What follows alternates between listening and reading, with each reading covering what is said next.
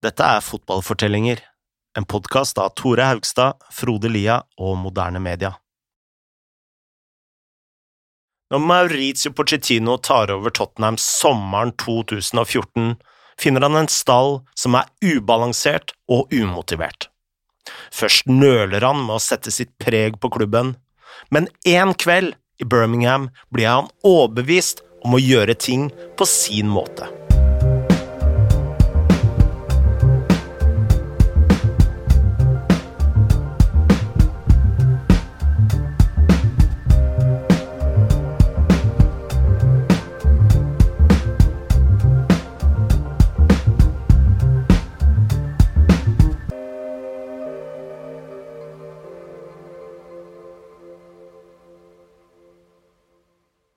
Det første Pochettino måtte gjøre i Spurs, var å forhandle frem en deal med umuligheten selv. Pochettino har aldri hatt noen agent, så han måtte prute på lønningene og eventuelle bonuser med selveste Daniel Levy. De kom til enighet før Pochettino sa at Levy fortjente sitt rykte som en tøff forhandler. Derfra skulle man kanskje tro at jobben skulle bli lettere for Pochettino, men dette var Tottenham Hotspur. For å friske opp minnet litt har vi snakket med Ben Haines. Han er en av de mer innflytelsesrike medlemmene av Tottenhams fanbase, og har de siste årene også jobba som intervjuer for klubben sjøl like etter kampene. Han tok oss tilbake til hvordan Spurs så ut sommeren 2014, og han begynte med en stor overgang som hadde skjedd ett år tidligere. So Gareth Bale was sold to Real Madrid for 100 million pounds, right? And Spurs are kind of really Gareth Bale was not. It, it, wasn't by design that he turned into the player that he was. It, a player got injured in his role, and then Harry Redknapp was like, "Right, Gareth Bale, you're in," and he never looked back. And then he just goes on to become this giant of the game. It's very much, I'm going real origin story here, but it's very much kind of like a, a garden of forking paths there, in that it kind of took Spurs in a certain direction. Spurs then sold him to Real Madrid and then tried to do the whole Moneyball thing of make make his goals and and creativity and strength up in the aggregate and signed a load of players, seven players, with to varying degrees of success. Um, some worked out, some didn't. But what it did do is it really dramatically shifted kind of where Spurs were as a club, and it, it, it changed the the kind of philosophy around the place. At a similar time, there's a lot of young players kind of in and around the periphery of of the Spurs side, but I think it would be fair to say that Spurs had got into a place where you you were finding it hard to to work out a discernible identity. It had changed so many times, um, and it had kind of shifted this way and that, and you never really knew where, where Spurs had got to. And I think the kind of nadir of that would be watching Tim Sherwood put his gilet on a fan on the side of the pitch. I don't, I don't know if you've seen this or have come across this, but uh, yeah, he essentially calls a fan down to the dugout and puts his gilet on someone. And there's a very famous picture of Tim Sherwood giving a salute to Adebayor after he scored a goal and honestly, you look back, it was quite difficult to discern what Spurs' playing style was. We'd had Andre Villas Boas before, who had a lot of possession. Spurs had a lot of the ball, but didn't look potent going forward. But Gareth Bale was just this unbelievable player. And if you watch any highlights from Villas Boas's 2012 Spurs, it basically was ping the ball out to Gareth Bale. He cuts in from the right hand side and just smashes the ball in from 30 yards. You know, it's it, was it was an interesting era. And then and then Tim Sherwood, and then in comes Mauricio Pochettino, and there was a lot of voices that were like, okay, this could be cool for Spurs. This guy coming in. There were also a lot of voices like, who is this guy? You know, so it was a real mixed bag. De syv Spurs hadde signet for å erstatte Bale, var Erik Lamela, Roberto Soldado, Paulinho, Christian Eriksen, Etienne Capoe, Vlad Kiriches og Nasir Shadley. De hadde så havna på sjetteplass, så brifen til Pochettino var å sikre topp fire. Da han ble presentert, sa han at spillerne kom til å svette og slite på trening, slik at de ikke skulle puste og pese i løpet av kampen. Akkurat der holdt han det han lova, og nå sa han alt på engelsk. Snart prata Moussa Dembélé om at han var sliten hver dag, og at øktene hadde blitt mye hardere. Eriksen sa at han nå måtte legge seg mye tidligere enn det han hadde gjort før, og Danny Rose, uten å ha spist noe spesielt nytt, hadde gått ned i vekt. Det nye regimet begynte bra for Spurs, med to seire på de to første ligakampene. Men så gikk det fire uten seier, og innen de møtte håpløse Aston Villa borte i november, var formen så svak at Pochettino frykta sparken. Spesielt da Villa tok en tidlig ledelse. Med åtte minutter igjen hadde Christian Benteke blitt utvist for Villa, men Spurs lå fortsatt under 1-0.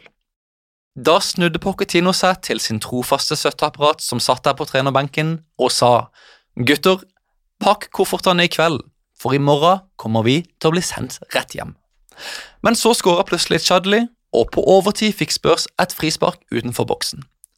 Spilleren som skulle ta det, het Harry Kane, en ung spiss fra akademiet som sto bak Soldado og Emmanuel Adebayor i køen, men som nå hadde kommet inn for Adebayor.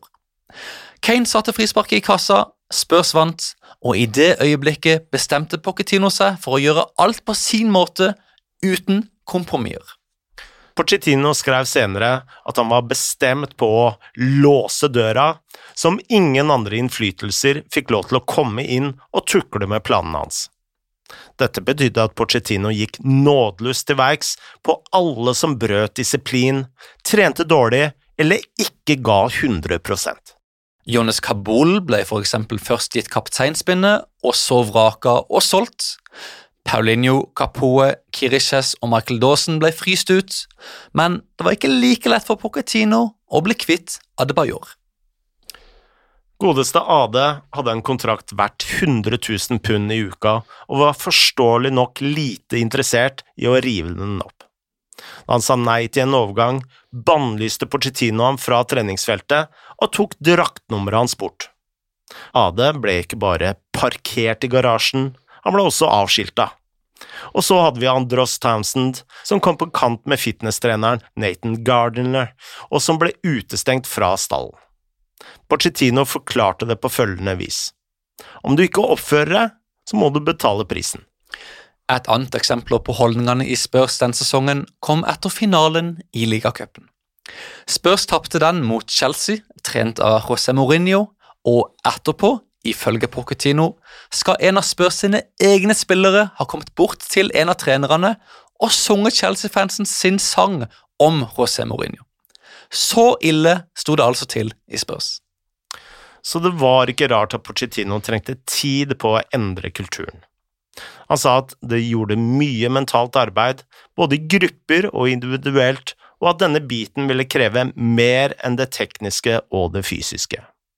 Men selv om Spurs bare klarte femteplass den første sesongen, kunne man se spor av arbeid. He has a phrase that I am in love with, and it is you're paid to train, you're not paid to play.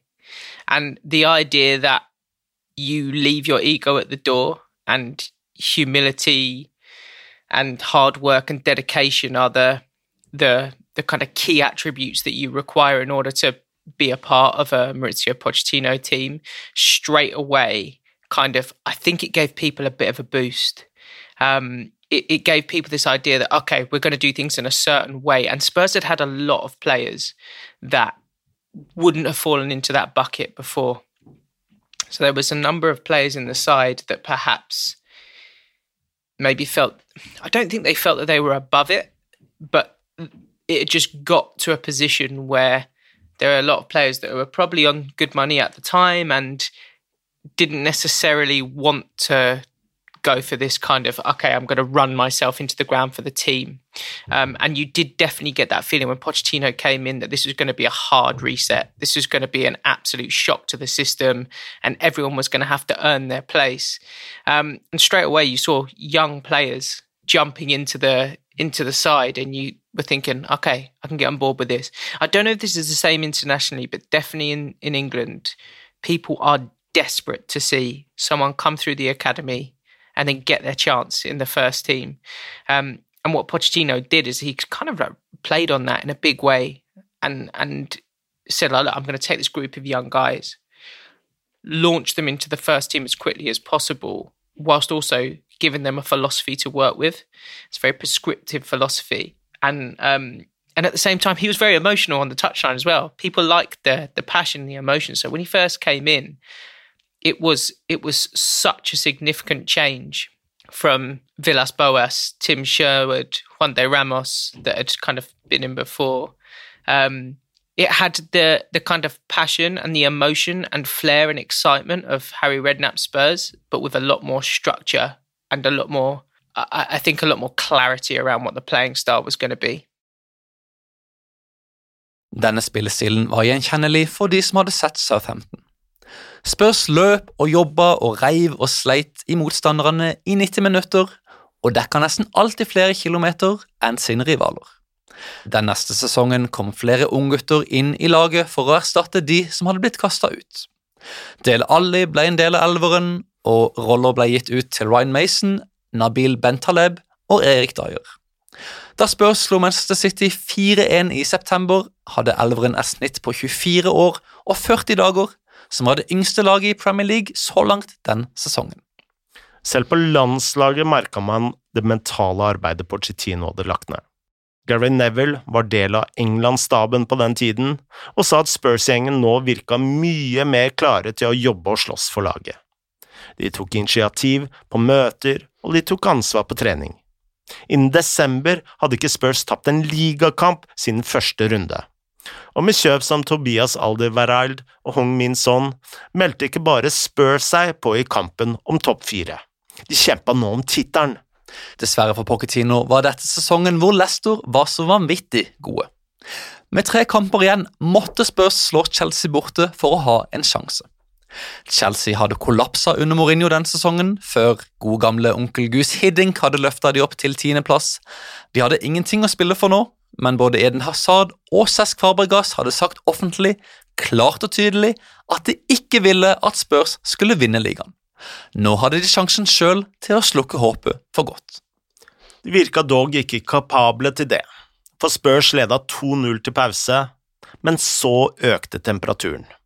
Chelsea jobba seg inn i kampen, og med syv minutter igjen utligna Hazard til 2-2.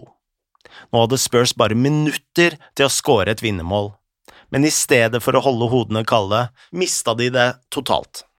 Dyer kasta seg inn i hodeløse taklinger, Lamela tråkka på hånden til Fabregas, og Dembele stakk en finger i øyet på Diego Costa. Utrolig nok viste ikke Mark Clattenberg ut en eneste spiller, men han ga tolv gule kort, og ni av dem til Spurs, og innrømmet senere at han burde sendt tre spillere i dusjen. Oppgjøret ble snart kjent som The Battle of the Bridge. Spurs sitt tittelhopp var ute for godt. Spurs kunne fortsatt sikre andreplassen foran Arsenal, men de tapte så hjemme mot Southampton, og i siste runde ble de knust 5-1 av Newcastle. Det siste tapet gjorde at Arsenal smatt opp på andreplass, ett poeng foran Spurs, og nå var Pochettino fullstendig rasende. Hvordan kunne de tape 5-1? Hva var årsaken til dette her? Skjønte ikke spillerne at det var viktig å ta andreplassen? Samme kveld dro Pochettino hjem til huset sitt i London, åpna en flaske argentinsk vin og proppa seg stappfull av pizza og chips. Dette var trøstespising på høyt nivå, og selv om den sommeren var lang, så klarte han aldri å få det 5-1-tappet helt ut av hodet. Sommeren 2016 tok Pochettino fatt på en ny sesong, fast bestemt på å luke ut mentaliteten som hadde ført til Newcastle-tapet. I mai hadde han fått en dose inspirasjon da han og Alex Ferguson hadde hatt en middag sammen. Ferguson var et stort forbilde for Pochettino, som elska den offensive spillestilen og hvordan han flaska opp unge spillere. Men da de hadde spist ferdig, var det kamp om hvem som skulle betale. Så klart ønska ingen av de to at den andre skulle ta regninga. Etter mye frem og tilbake kom Ferguson med en løsning. Han sa ok, jeg skal spørre deg et spørsmål. Om du svarer riktig, så får du betale. Hvis ikke, betaler jeg. Og Pochettino han smilte bare og sa at ja, det er greit. Ferguson sa finalen i VM 1930. Argentina mot Uruguay. Resultatet var 4-2. Hvem skåra målene for Argentina? Og da lo bare Pochettino høyt, og så sa han Carlos Paucelle og Guillermo Stabile. Da klappa bare Føgesen, rista på hodet og sa bra gjort, bra gjort. Det ble Pochettino som betalte for akkurat den middagen. Da han kom tilbake fra ferie, kasta Pochettino seg inn i sin vanlige rutine. Han hørte alarmen klokka halv syv, snuset i ti minutter, og så var han på treningsfeltet halv åtte. Han gikk inn på kontoret, hvor han hadde et fat med sitroner, fordi en venn hadde fortalt ham at de absorberer negativ energi. Porcettino har tro på slike ting, ikke som magi, men som vitenskap. Han mener også at det finnes en universiell energi som binder alt sammen, og som står bak alle hendelser. Pochettino har også andre metoder. Før én kamp i Tottenham hadde han nesten hele startelveren klar, men det var én posisjon hvor det sto mellom to spillere. Pochettino satt og tenkte på dette uttaket i lang tid, men før én treningsøkt så han en av de to spillerne gå bort til kantina og lesse av et stykke lasagne på tallerkenen. Pochettino lo bare av dette, fordi altså, hvem i alle dager er det som spiser tung lasagne like før trening? Men så innså han at dette sa noe om mentaliteten til den spilleren, og bestemte seg for at den andre spilleren skulle starte kampen. Her var det altså et stykke lasagne som i praksis tok ut laget. Den sesongen signerte Spurs Moussa Sissoko, Vincent Jansen og Victor Wanyama. De skulle ha en ordning hvor de spilte ligakamper på White Hart Lane og Champions League-kamper på Wembley. Men da de spilte sin første gruppekamp hjemme mot Monaco, tapte de 2-1, og Pochettino var rasende. Han mente at de ikke hadde vært klare mentalt, og følte at det hang sammen med Newcastle-tapet. I pausen prata han uten stopp og slo til en TV så hardt at den nesten ble ødelagt. Men Spurs reiste seg kjapt i oktober møtte de Manchester City, som hadde vunnet sine seks første ligakamper under Pep Guardiola. I remember going to watch Spurs v Man City, and it was when Pep had just come in. And I still say to this day, technically, it was the best game of of pressing football that I've ever watched because both teams wanted to play from essentially their own goal line. They wanted to play out from the back but at the same time, both teams wanted to press the other to within an inch of their life. So you just had 90 minutes plus stoppages of these two teams just running themselves into the ground, but with such high quality on the ball as well. Everything was so crisp and so sharp. And I think Spurs ended up winning that one 2 2 0. And I remember thinking, now this is, we're now watching a team that's, it's not just a good side with a cool philosophy. This is, this is an elite Premier League side now that we're watching. Dessverre for Spurs ble det heller ingen titler den sesongen. De røyk ut av gruppa i Champions League, tapte semien i FA-cupen mot Chelsea og kom på andreplass i ligaen bak samme lag. Men i det så ble den siste sesongen på gamle White Hart Lane, vant de 17 av 19 ligakamper og spilte uavgjort i de andre to. Den bragden er det få fans som glemmer. I've never felt this before as a Spurs fan. But we went into every game and I just expected us to win. I just literally the game would start and I was like, so when do we score? Like it was it was unbelievable. It was and I realized that for fans of other sides. So like if you're a Man United fan in the 90s and the early noughties, that was probably how you felt every single season. And if you're a Man City fan now, that's probably how you feel pretty much all the time. And if maybe you were a Chelsea fan under the first era of Mourinho, and maybe an Arsenal fan under Wenger in the Invincible kind of era. This doesn't happen to Tottenham. I've never watched Tottenham and the game kick off and me just think, well, we're going to score soon enough. Like we'll just score and we'll win this comfortably. Um, so that was the high point, and and that came at a time. I think you know, you, uh, it's one of those things that fans will often do. Be like, oh, could you could you name the team that started on that day, or could you name the team that you remember from that time? And I think one of the things that a lot of a lot of people will say is that that era of Spurs, you go Lloris in goal, Walker on the right, Rose on the left, Alderweireld and Vertonghen as your two centre backs. Then you've got your kind of midfield two of Wanyama and Dam- Dembele, and then it's Ali, Ericsson, Son, Kane as your 11. Now, that 11 didn't actually start together that many times, but that's the 11 that people have in their lasting memory because Spurs kind of had Ben Davis deputising for Danny Rose. They had Eric Dyer deputising for Wanyama. Um, they had Harry Winks, Sissoko, Trippier. So there was squad depth there as well. Um, but it was that that season. If I could go back and relive one Spurs season again in full, it wouldn't be the season where we got to the Champions League final. It would be the season where we went unbeaten at, at White Hart Lane and just dominated 95% of the teams that we played. Denne formen skapte fornyet optimisme for neste sesong, men nå prata både fans og presse om at dette Spurs-laget ikke hadde vunnet et trofé. Pochettino måtte snart løfte noe sølvtøy, både for klubben og seg selv.